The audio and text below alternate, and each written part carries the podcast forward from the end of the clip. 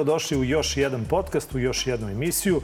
Vrlo često tema ove emisije jeste pravo građana, a pravo građana jeste i stanovanje i pravo na krov nad glavom. Upravo je to tema današnje emisije, a zašto baš e, moji današnji gosti su ovde u studiju? Zato što je ovo pomalo specifičan slučaj jer se odnosi i na e, jednu državnu činovnicu. Moji današnji gosti, Miodrag Jeftić, advokat i pravni zastupnik porodice Nešić i Sanja Nešić, stanarka kuće u ulici Držićeva 17. Dobar dan, dobrodošli. Dobar dan, Đuro. Hvala vam puno na pozivu. Kad sam najavio da je ovo specifičan slučaj, e, možda ću pročitati e, deo iz jednog zahteva za izuzeće koje ste vi poslali Višem sudu u Beogradu i vi kažete ovako, ističemo, među strankama su sporne sve činjenice, spor nije jednostavan. E, vi ćete kasnije nešto objasniti iz pravnog ugla zašto ovaj spor nije jednostavan, a Sanja vas pitam, dakle, o čemu se ovde radi? Vama preti iseljenje iz kuće u kojoj, u kojoj ste rođeni i u kojoj živite čitav svoj život i ne samo vi, već, e, ukoliko sam ja dobro razumeo, i vaš e, deda.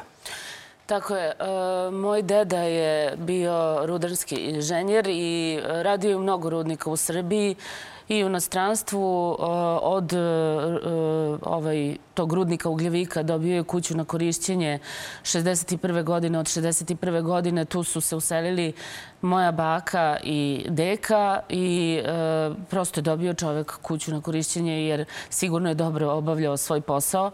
E, tu se u toj kući je živeo kasnije moj otac gde se i oženio. Završio gimnaziju u Beogradu, petu Beogradsku gimnaziju. E, tu je dobio mene i mog rođenog brata Nenada. E, danas e, u toj kući moj rođeni brat ima porodicu, ima dvoje dece, ja imam jedno dete, imam čerkicu, a nama, nažalost, evo, već jako, jako dugo, a mi ćemo ovaj, staviti da kažem, e, crtu negde na, na ovih poslednjih šest godina, ali jako, jako dugo nam e, preti e, žena koja se zove Vesna Miljuš. Ona je trenutno u apelacijenom sudu, ona je sudija.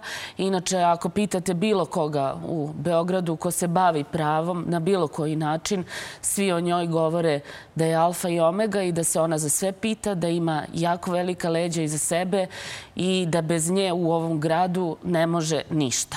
E, ja mogu slobodno, na, na svojoj koži sam osetila jako teške stvari u životu. Zbog ovog slučaja meni su preminuli i otac i majka. 70% je bilo sekiracije. Mislim, i zbog toga su nažalost, preminuli. Eh, evo, ostalo je na meni i na mom bratu da na neki način ih osvetimo i da pokušamo da Ajte dok se smirite se, a, a, gospodine Jeftiću, dakle, ajte vi da kažete zašto je ovaj e, sport toliko komplikovan i zašto su ovde činjenice nešto što sud očigledno nije, nije uvažio, jer u pripremi ove emisije vi ste mi rekli da ovde e, apsolutno ona druga strana nije saslušana. Dakle, ona se nikad nije pojavila pred sudom. Ali ajte da objasnimo gledalcima dakle, o čemu se ovde sa pravne strane radi. Evo, vrlo prosto da kažem. Osnovno dokazno sredstvo saslušanje parničnih stranaka. To i lajci znaju. Čovjek ne mora da bude pravnik, advokat, sudija, da zna da parnične stranke, znači tužilac i tuženi, moraju biti saslušani. To ovde nije bio slučaj. Mi se šest godina, gospodine Đuro, ovde sudimo pred Višim sudom u Beoradu i ja sam šest godina imao prvi i osnovni dokazni predlog. To je saslušanje parničnih stranaka. Nekoliko sudija je ovde promenjeno i sve sudije sudeće su taj moj zahtev dokazni, odbijele dokazni predlog kao suvišan. Tako i na zapisnicima, to se lako, to je proverljivo, znači to se lako može proveriti. Znači da je taj moj dokaz suvišan i da je to pravno pitanje. To je činjenično pitanje. Znate, stranke moraju biti saslušane u svakom postupku, pa i ovde. Nažalost, evo, tu je gospođa Nešić, Sanja i njen brat gospodin Nenad, da nikada nisu dobili poziv da dođu na sud. Da kao tužić. Moguće, evo, zato smo i ovde. Zato što je povređen ustav ove države, povređen zakon o parničnom postupu koji e, u svom članu 2 govori o raspravnom načelu. Raspravno načelo je najvažnije načelo građanskog postupka. Znate, ako vam to neko uskrati, ako vi ne možete da raspravljate u postupku, onda vi apsolutno nemate svojstvo stranke. Vi niste u postupku. A gospođa Nešić i njen brat, gospodin Nenad, nisu imali ovaj to pravo da se pojave na sudu i da kažu zašto su tuženi, da obrazlože svoj odgovor na tužbu, jer sve se svilo na to pravno pitanje. Takođe i gospođa tužilja nije to pravo dobila da kaže na kojim činjenicama zasniva svoju tužbu. Onda, znate, imaju suočenje parničnih stranaka. To je isto jedan ovako dokazni dokazni predlog koji smo mi tek da predložimo, nisu imali šanse, šanse nisu, sasluš, stranke nisu saslušane. Takođe, pored što je povređen ustav države Srbije i zakon o parničnom postupku, povređena je i Evropska konvencija o pravima građana, a to je pravo na pravično i nepristantno suđenje. Znači, jednakost pred sudom. Mislim, to je maksima u pravu. Aksijom. To ovde nije poštovano ovih šest godina. Ajde Apsolutno. da se vratimo, Izvolite. da se vratimo taksativno. Kad problem nastaje i kako on Od nastaje? samog starta. Od samog starta... Gledalcima prosto da, da, da im bude Tako jasno o je. čemu se ovde radi. Tako Ko je, koja strana i e, na šta koja strana polaže pravo. Evo, dakle, od samog starta mi smo stavili zahtev za delegaciju nadležnosti, znači da ne sudi viši sud u Beogradu. Taj naš zahtev je odbijen. Znači, mi smo odmah odbijeni. Onda smo stavili zahtev izuzeće sudećeg sudije prvo jednog. Taj zahtev je odbijen kao neosnovan.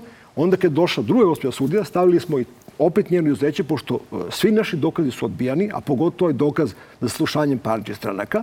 I da vam kažem, i to je odbijeno isto. Dakle, apsolutno nismo mogli da raspravljamo u postupku. Znate, bez slušanja parničnih stranaka nema građanske parnice.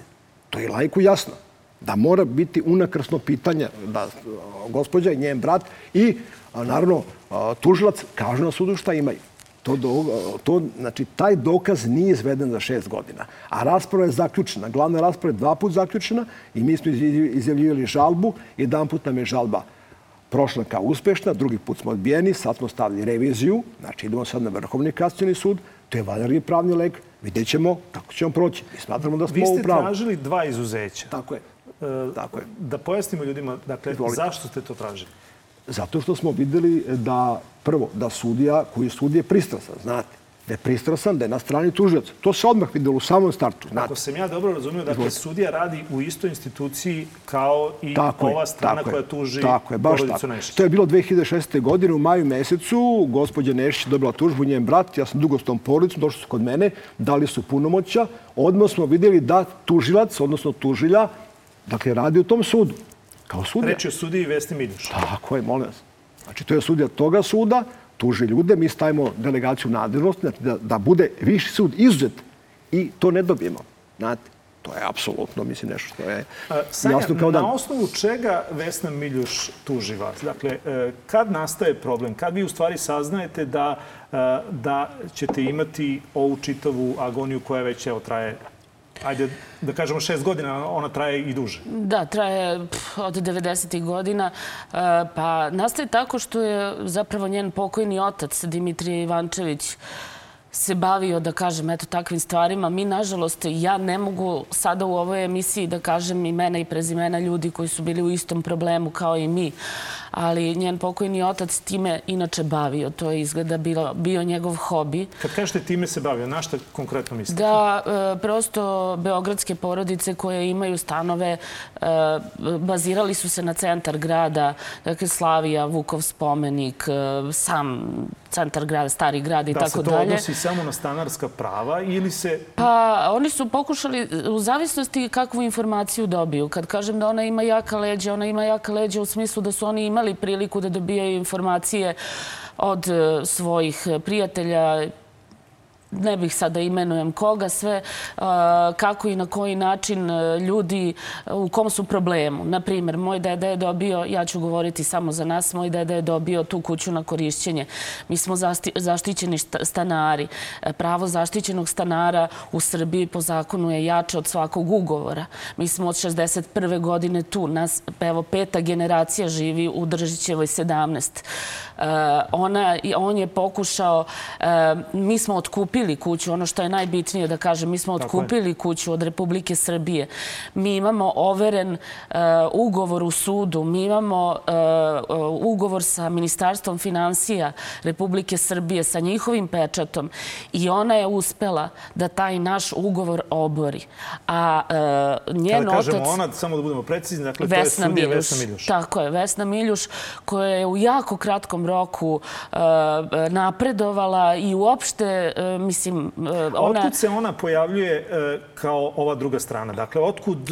Ona je, evo sad ću da kažem, izvinjavam se što prekidam i ja sam malo konfuzna i pod stresom sam, izvinjavam se gledalcima na tome, razumeće dakle, Dimitrije Ivančević započinje celu ovu hajku na porodicu Nešić tako što je za vreme rata u Bosni, gde se nalazio taj rudnik, ovaj, pošto smo mi imali pravo prvenstva kupovine, jer moj deda je već dobio kuću na korišćenje, mi smo dobili pismo da otkupimo kuću.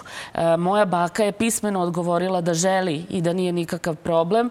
I problem zapravo nastaje kada su oni rekli da pozovemo kuću za nekretnine koje će da proceni koliko ta e, kuća košta. S obzirom da je ta kuća iz 24. godine i da smo mi renovirali od 61. kada je moj deda ušao tu, mnogo puta e, tada Alka trgovina procenjuje da mi ne dugujemo ništa. Dakle, na tom papiru piše nula. Zato što ste toliko novca uložili Tako u renoviranje te kuće. mnogo smo novca uložili u renoviranje kuće i taj papir odlazi u ugljevik. Njima se to naravno nije dopalo. Shvatili su da neće dobiti nikakav novac na jedan pokvaren način. Oni u jako kratkom roku organizuju aukciju na koju je pozvana moja baka koja je imala pravo prvenstva kupovine. Međutim, tada je bio rat i, i jako, jako je teško bilo da moja baka iz Beograda dođe do Bosne.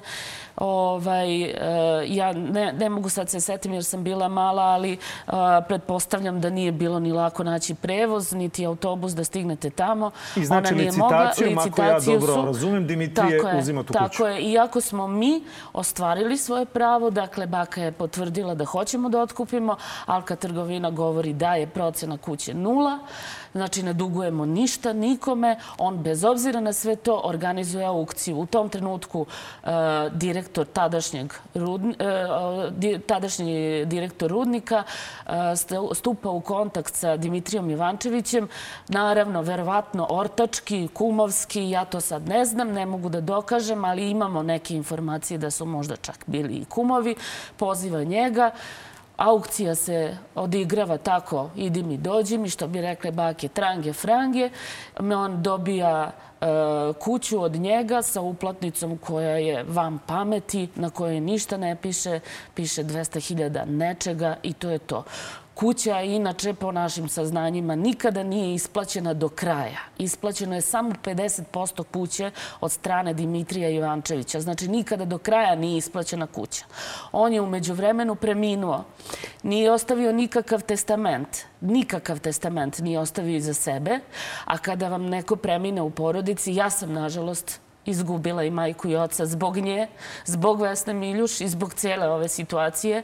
Od stresa su jedan i drugi uh, dobili bolesti koje su dobili teške i u teškim mukama su umrli. Uh, uh, ona nastavlja proces kao jedini naslednik. A svi znamo da kada neko premine, kao što je meni otac prvi preminuo 2013. godine.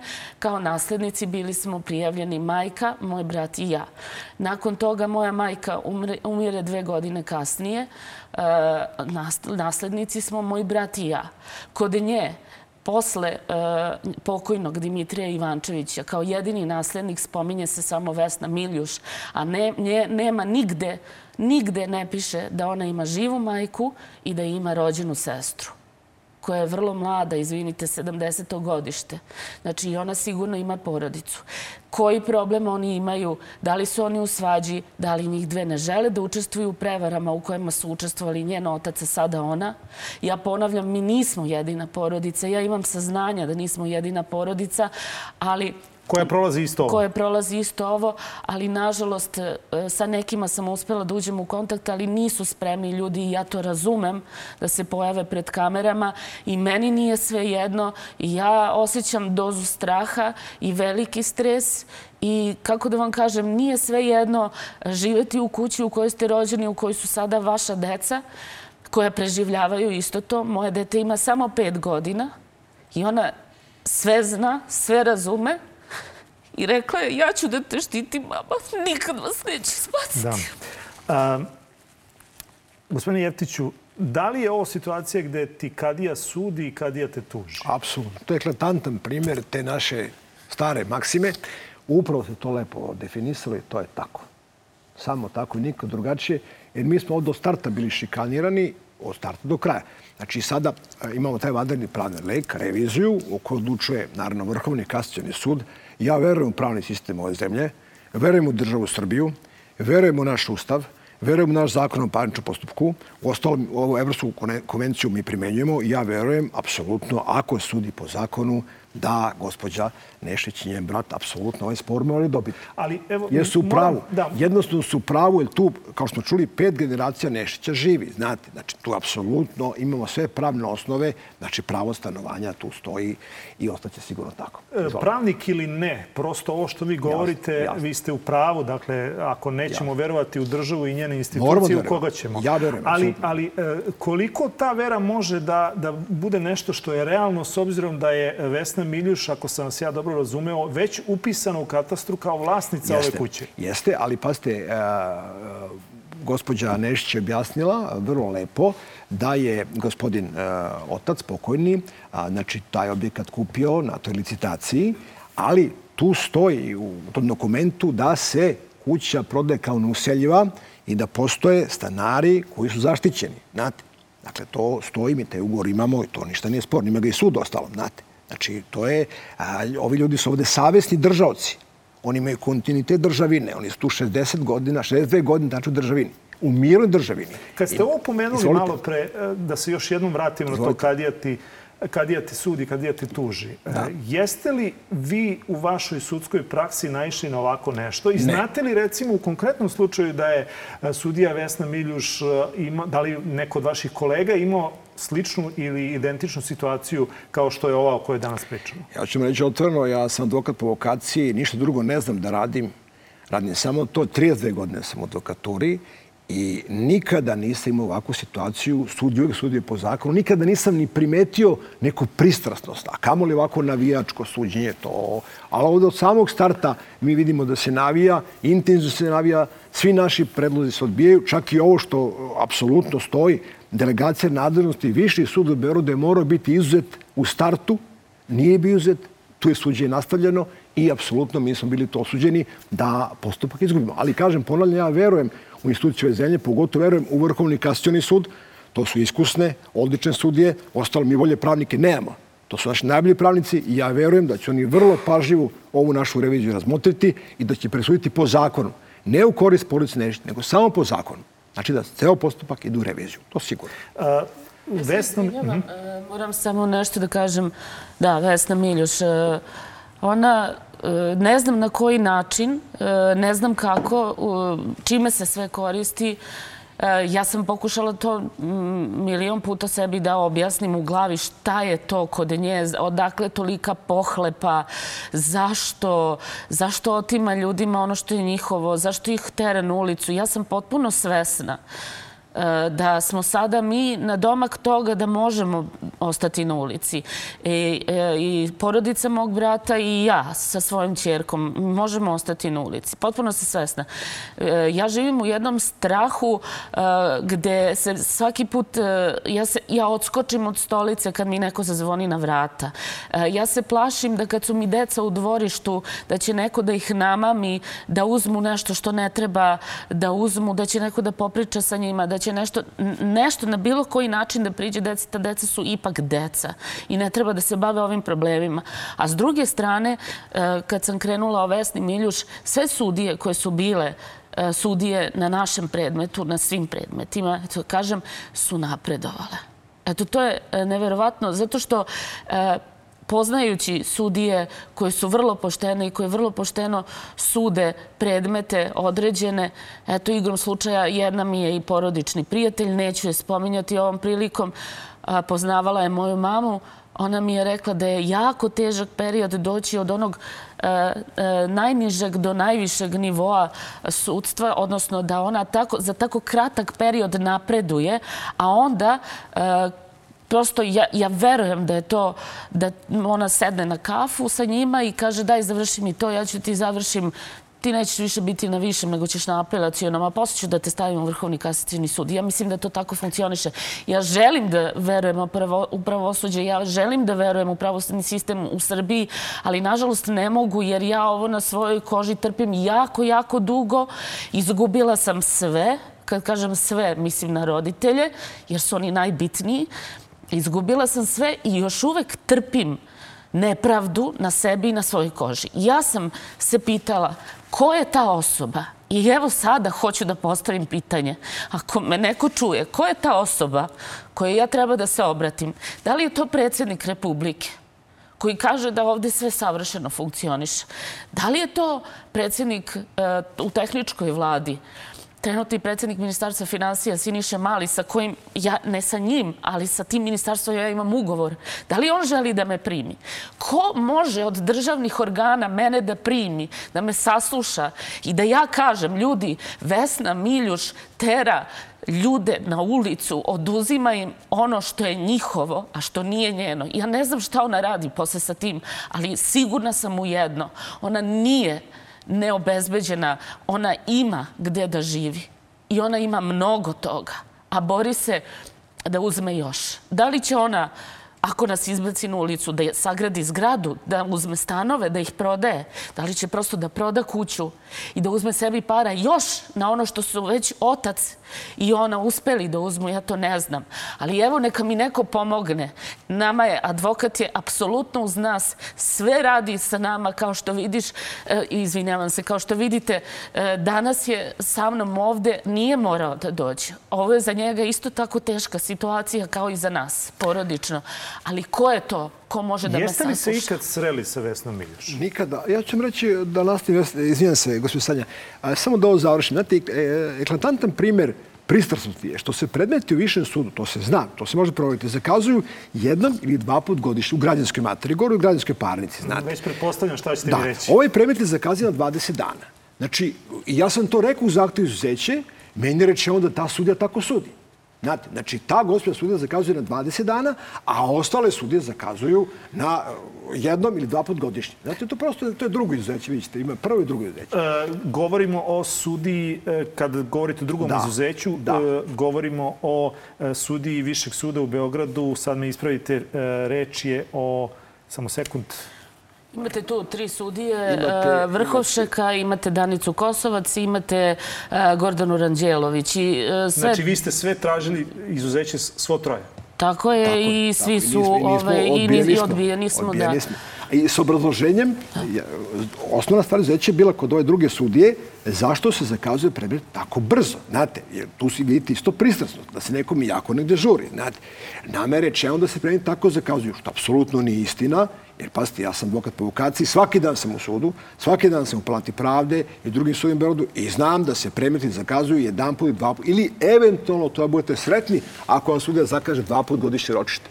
Ovde je zakazano 20 dana. Znači, apsolutno vidite nešto nije u redu. Vi to kažete u zahtevu za izuzeće i predsjednik Višeg suda lepo kaže... Iako nisam pravnik, ja ovde mogu samo zaključiti da je reči da kako sukob interesa... Ne. Sukob a... interesa stoji. Sve ovo smo rekli stoji. Ne mi, ne mi, mi smo, što kaže Sanja, vrlo teško, mi smo dugo razmišljali o vašem da pozivu, da. da dođemo i znamo mi ovaj, e, kakve posljedice mogu da budu. Znamo da nam je protivnik ne prezan ni od čega, ja to javno kažem, nema čega se bojimo, znate, radimo sve po zakonu ali e, taj zakon nekako nam u ovoj situaciji nije dostupan. Meni je bio dostupan 30 godina. Znate, svaki dan sam u sudu, ali ovde ne.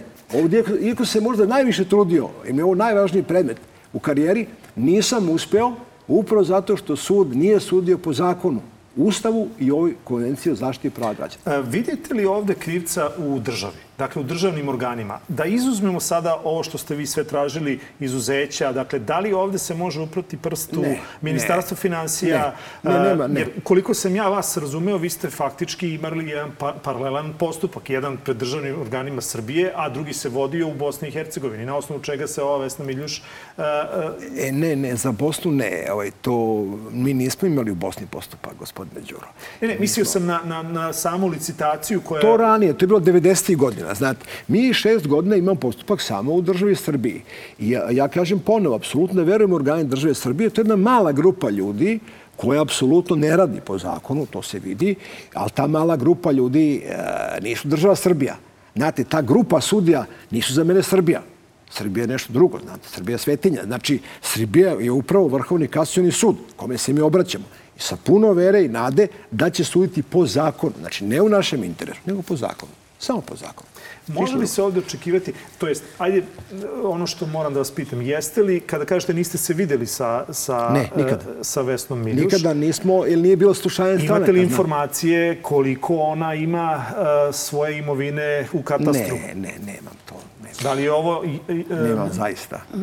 Ne, uh, ja Nažalost, nisam uspela to da, da uradim pre emisije. Postoji, uh, pošto sam išla, jer od, mi, da vam kažem, ono što je jako bitno, do sada u ovih poslednjih, pričam samo poslednjih mesec dana kad smo pod jako velikim stresom, dobijamo pisma samo iz njene kancelarije, odnosno njenog advokata koji se zove Zoran Sokolović. Uh, samo od njega dobijamo pisma. Mi iz suda nismo dobili ništa. Uh, za, za, za Zvezdaru, gde se mi nalazimo, nadležan je prvi osnovni sud u Beogradu. ovaj, ništa, ništa u poslednjih mesec dana nismo dobili. Mi dobijamo pisma samo iz njegove kancelarije. Ja sam umeđu vremenu otišla na, na, na sajt katastra. To može svako da uredi. Mm -hmm. I na sajtu katastra ima elektronska tabla u kojoj postoji jedna tabela, upišete ime, prezime, JMBG broj i broj predmeta. E sad problem je što meni nije stiglo ništa iz suda, tako da ja nemam broj predmeta. Ja nisam mogla da odem na elektronsku tablu i da, i da proverim tačno šta je sve na nju upisano u Beogradu. Gospodin Jeftić, kako ovo mora da funkcioniše? Dakle, da li je ovo nešto što je pravno valjano ukoliko vama ona suprotna strana šalje nekakve dopise kao što je ovo što Sanja priča?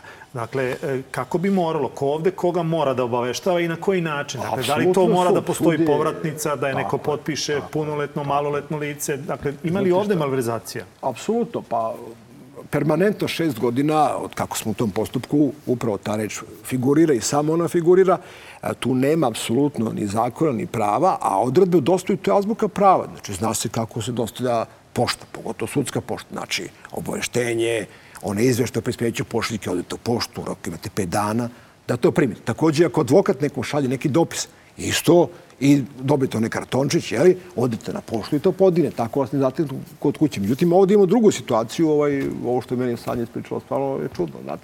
Sve je ovdje jako čudno, znate. I ništa nije po zakonu i ništa nije rađeno po pravilima, znate. Ništa nije rađeno po pravilima struke. To je ono što, zato smo se odazvali ovaj, e, vašem pozivu, ali smo dobro razmišljali da li da dođemo ili ne i tako. Dobro, kako je stanje danas? Evo, na današnji dan, dakle, šta se sad dešava? Mi smo izjavili reviziju 11. maja Vrhovnom kasacijnom sudu ovaj, u Nemanjine ulici i sada čekamo da Vrhovni kasacijni sud reši po našoj reviziji. Eto, to je ovaj... Inače, da vam kažem otvoreno danas ovde, mi ćemo ići do Strasbura, tu nema dileme, znate, mi rezervni položaj nemamo, mi apsolutno, znači, ljudi nemaju rezervni dom, pravo na dom garantuje Ustav, garantuje Evropa, mi na vrata, kucamo na vrata Evropske unije, znači onda pravosuđe mora da... ja sam se nagledao tog prava na dom verujem, i ljudi, ljudi završe na ulici. Dakle, Jasno. šta ovde e, Sanju i njenu porodicu može da ostavi u Držićevoj 17 i da to prosto bude neka vrsta garancije. Dakle, da li e, postoji u, sad u ovom čitavom predmetu, da li postoji, postoji sigurna postoji. garancija da će ona ostati u Držićeve 17 dok se ova priča u potpunosti ne završi i ne, ne istrošite sve moguće sudske instance? Postoji. To je, gospodine Đuro, pravo na pravično suđenje i nejednakost pred sudom. Znači, ako sud bude vrhovni kasćani, a mi očekujemo i mora da radi po zakonu, Nešići će ostati u svojoj kući i tu nema dileme. Znači, oni imaju pravo stanovanja. Ukoliko bude drugačije, mi idemo na Strasburg. Znači, nije, nemamo apsolutno nikakvih dilema oko toga. Znate. Može li ovde u nekom slučaju da e, se učita u ovu priču upletu i izvršitelji? Sada ne, ovo u fazi postupka ne, jer ima moj vanredni pravni lek. Znači, ovo nije tužba za iseljenje, znači ovo je bio postupak, upravo što sam je rekla, da se poništi ugovor oko prodaji pokojnog tate Nešića Miloša sa državom Srbijom. Jer Nešić Miloš je od države Srbije, koje je predstavio tada Ministarstvo financija, upravo za imenske pravne poslove, kupio 2003. Ovaj, e, godine kupio kuću. I to za, ne otkupio, nego baš kupio. To za vrlo pristojan novac, znate. Znači, apsolutno je legalno čovjek kupio kuću i imali smo dva pravna osnova. Znate, imali smo ugovor gospodina Dimitrija. pokojnog tate ovaj, naše protivnice, koji je kupio kuću na toj licitaciji. Imali smo ovaj ugovor oko prodaji gde gospodin Ešmilo, znači pravni prethodnik mojeg klinata, kupuje od države Srbije kuću.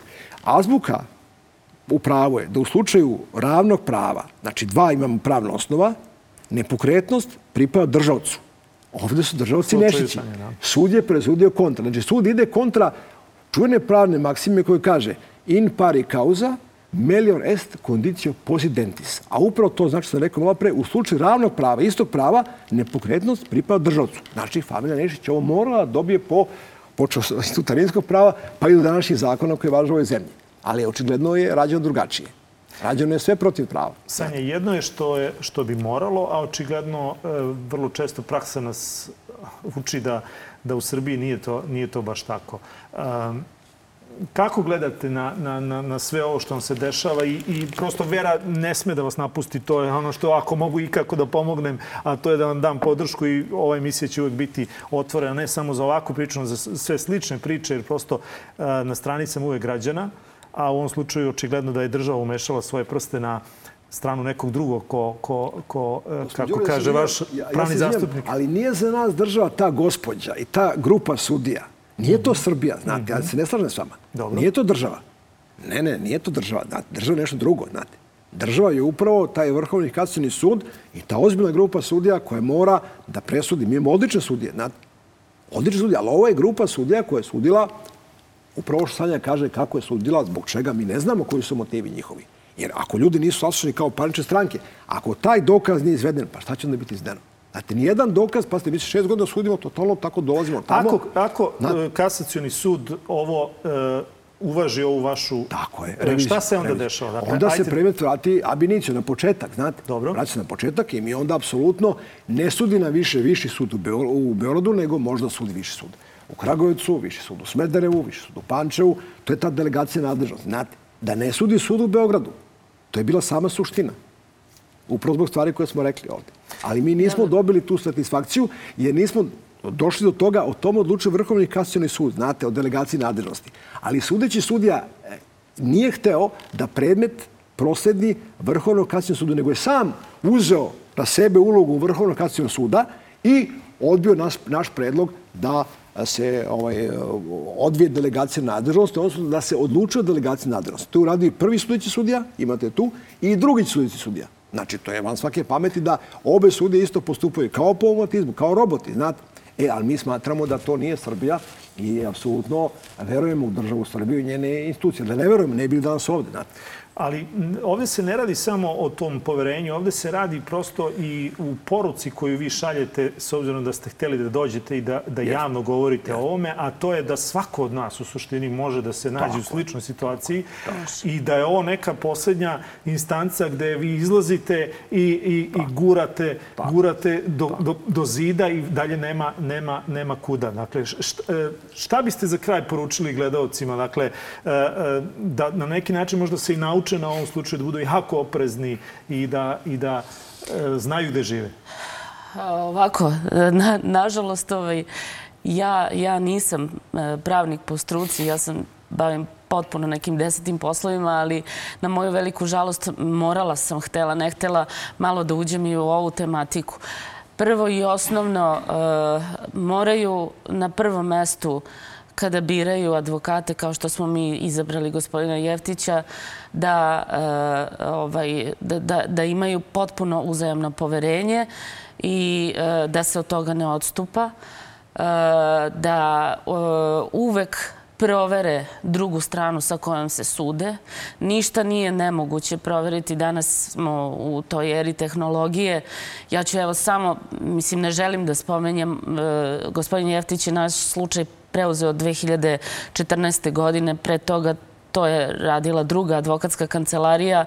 E, Ne želim to, uopšte ne želim da se sećam toga, kamoli da spominjem advokatsku kancelariju, jer ja sam kao obični građanin, kada mi je otac preminuo, otišla na, na internet, ukucala na Google Vesna Miljuš, gde mi je izašlo, ona je tada bila predsednik građanskog veća prvog osnovnog, e, ne znam kog, drugog ili drugog osnovnog suda, sad nije bitno, to je bilo davno. E, u svakom slučaju, kada sam otišla u tu advokatsku kancelariju, kada sam pitala, ali vi znate sa kim se mi sudimo, oni su rekli ne. Pravili su se potpuno ludi. Tako da, e, morate da proverite ko je to, kakva leđa ima, šta ima sve. Postoje načini. Nije... No, se ne bi desilo što se vama desilo da advokat koji je pod navodnicima vaš ispadne advokat Tako je, advokat strane. druge strane. Morate da proverite sve.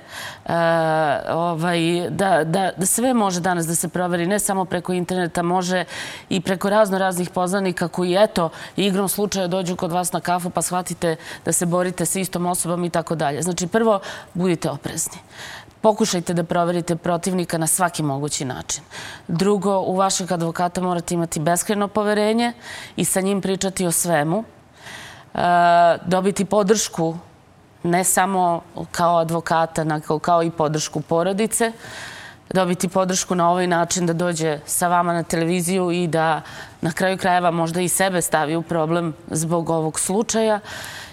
I na kraju krajeva, da, ono što je najosnovnije, treba imati hrabrosti, živaca, nerava, e, da, e, da, da pokušate da zadržite zdravlje, koliko, da, da, da jednostavno ostanete zdravi, koliko god je to moguće i u glavi i fizički. E, moji majka i otac su to želeli, ali nisu uspeli. Sada je to ostalo na meni i na bratu. Ja se zaista borim i ne želim da zbog Vesne Miljuš, zaista ne želim da zbog Vesne Miljuš moje dete ostane bez majke. I neću to dozvoliti. E, ići ću do kraja, dokle god bude trebalo. Ići ću do kraja, štitit ću kuću na sve moguće načine, ali moje dete neće ostati bez te kuće i neće ostati bez majke, kao što ni deca od mog rođenog brata neće ostati bez svog oca čuvajte svoje zdravlje na prvom mestu. Sve su vam informacije dostupne. Samo pokušajte da ih dobijete. Imajte poverenja u vašeg advokata, imajte poverenja u državu i ja se nadam da evo posle ove emisije da će se možda neko od državnih organa i oglasiti možda u tehničkoj vladi, bez obzira što je tehnička, može mene neko da sasluša, može da me sasluša gospodin Siniša Mali, Mislim da može da me sasluša predsednik Republike Aleksandar Vučić pored svih problema koje ima i koje rešava trenutno. Mislim da može da me sasluša. Mislim da nisam jedina. Uvek tražite da e, nekoga koji ima isti problem kao vi ujedinite se i radite zajedno. To je ono što ja sad u ovom trenutku mogu da kažem s obzirom da sam pod velikim stresom i da već posljednjih mesec dana jako slabo spavam, a trudim se da makar pred svojim detetom ne pokažem ni jednu suzu, a verujte mi, to je najteže. E, ja ovde ne bih zaista ništa više dodavao. Prosto hvala puno na, na hrabrosti i na, i na ovome što ste podelili sa svima nama. Hvala još jednom. Hvala vama puno. Moji današnji gosti, dakle, pričali su o onome što, e, nažalost, može zadesiti svakog od vas. Zato e, otvorite širom E, vaše oči i gledajte na sve strane, ne bili vam se ovakve stvari, e, ne da Bože, desile. A e, svakako svakog utorka u isto vreme, dakle od 3 do 4, podcast Pitajte Đuru, broj telefona 069-893-0023, otvoren 24 sata, to je Viber broj za vaša pitanja, za vaše probleme. Takođe možete pisati i na Facebook, Instagram i Twitter mrežu Pitajte Đuru ili vaša pitanja šaljite na e-mail adresu pitajteđuru.nova.rs.